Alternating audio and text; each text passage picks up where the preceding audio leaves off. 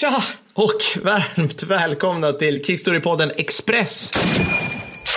Avsnitt 15 och en halv. Det här kastar vi ut nu ifrån oss torsdag, det är torsdag den 12 november 2020 och vi gör det här för er nu idag för det är Konrads fucking namnsdag. Eller hur Mattis? Ja, ja, det här är det mest improviserade vi någonsin gjort. Som om någon förväntar sig så här tankfull och rättvis presentation av, av Konrad så är det helt fel ställe att vända sig till just nu känner jag. Fullkomligt fel. Vi testar på ett expressvariant för en gångs skull. Alltså, där, nu går vi från att, från att Fredrik gråter blod och är tvungen att liksom så avskiljas från sin familj till att så här, det här ska han kunna klippa och lägga ut idag. Ni hör att jag bara pratar snabbare och snabbare. Det här kommer bli fantastiskt och vi firar Konrad von Hötzendorf idag. Ja, hans namnsdag. Hans namnsdag. Mm. Och vem var han, Mattis?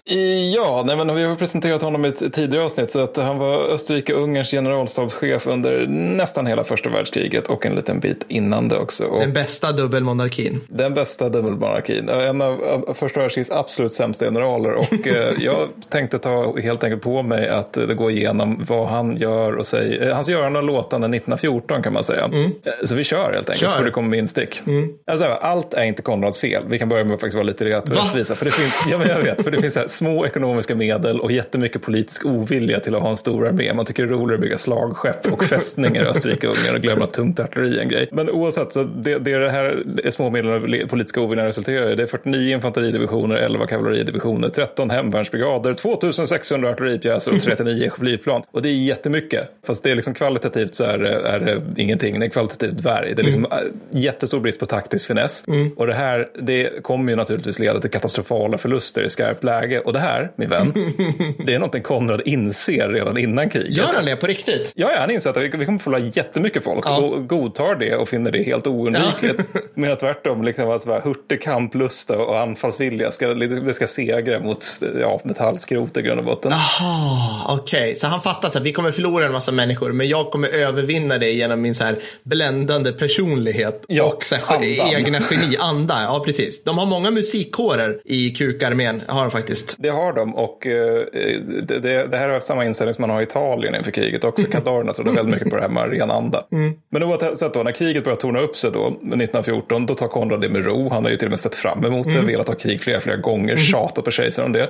Sen, sen när någon lite försynt och påpekar att, ja, men eh, hörru du Konrad, vår artilleripark, den är skitgammal, den är typ från 1500-talet, det är dåligt för storkrig. Då svarar Konrad mellan konjakslurkarna då att jag känner till detta, slutcitat, men citat, jag kan inte göra någonting åt detta nu. Nej. Och med de orden så försvinner han så väg, eh, se- sen iväg ner på en tre veckors lång semester i Sydtyrolen tillsammans med sin älskarinna Gina von Renninghaus.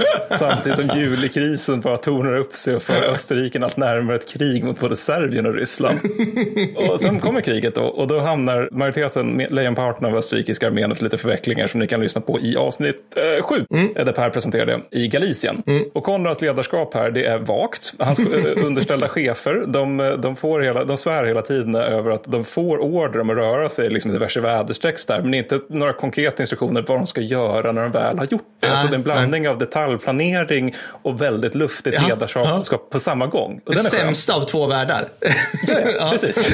Exakt. Och då har vi då till exempel general Aufenberg som är fjärde arméns chef. Han, han får så få instruktioner att han känner sig tvungen då att helt enkelt läsa de här jättecensurerade österrikisk-ungerska tidningarna för att hålla koll på vad som händer i kriget. Ja, ja. För från Konrad får jag inte veta någonting nej, nej, naturligtvis. nej.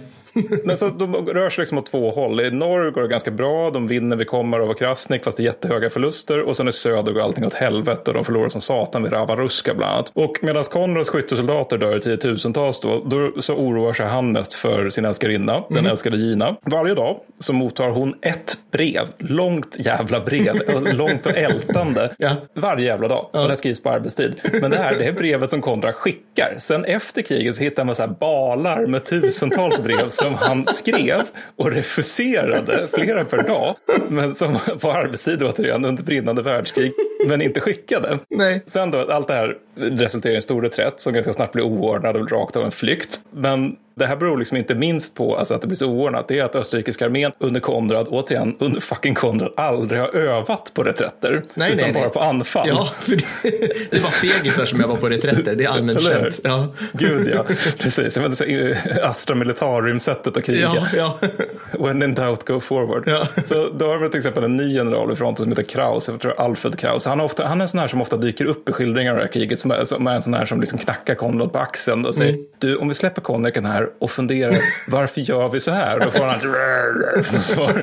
Men han är i varje fall, han är skitförbannad för han konstaterar liksom att vid varje, citat, vid varje givet tillfälle ger sig soldaten in i oorganiserade bajonettanfall. Sen då när hela den här kalabaliken är över, då, alltså i slaget om Galicien, då har österrikarna förlorat nästan en tredjedel av hela sin armé.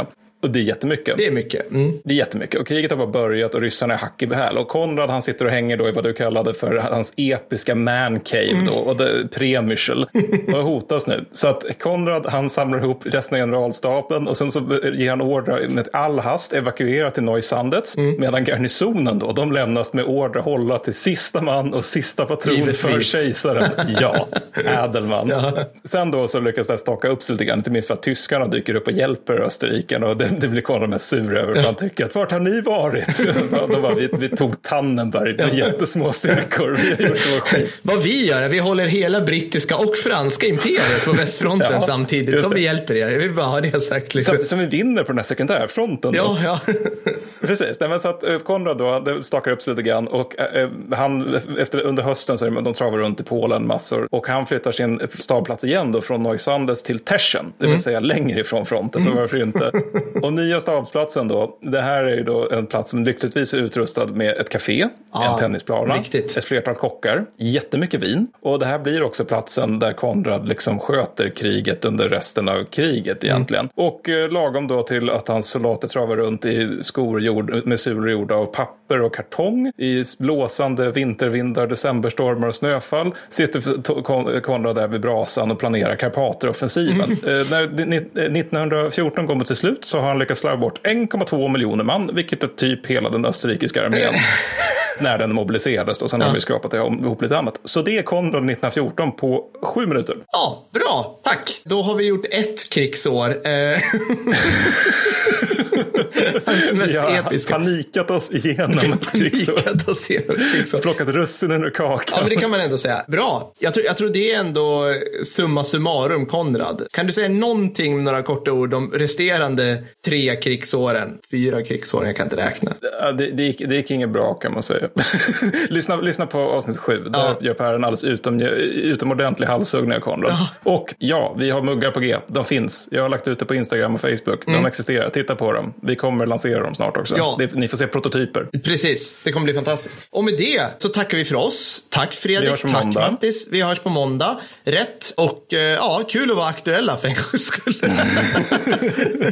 ha det bra. Bra, hej då. Hej.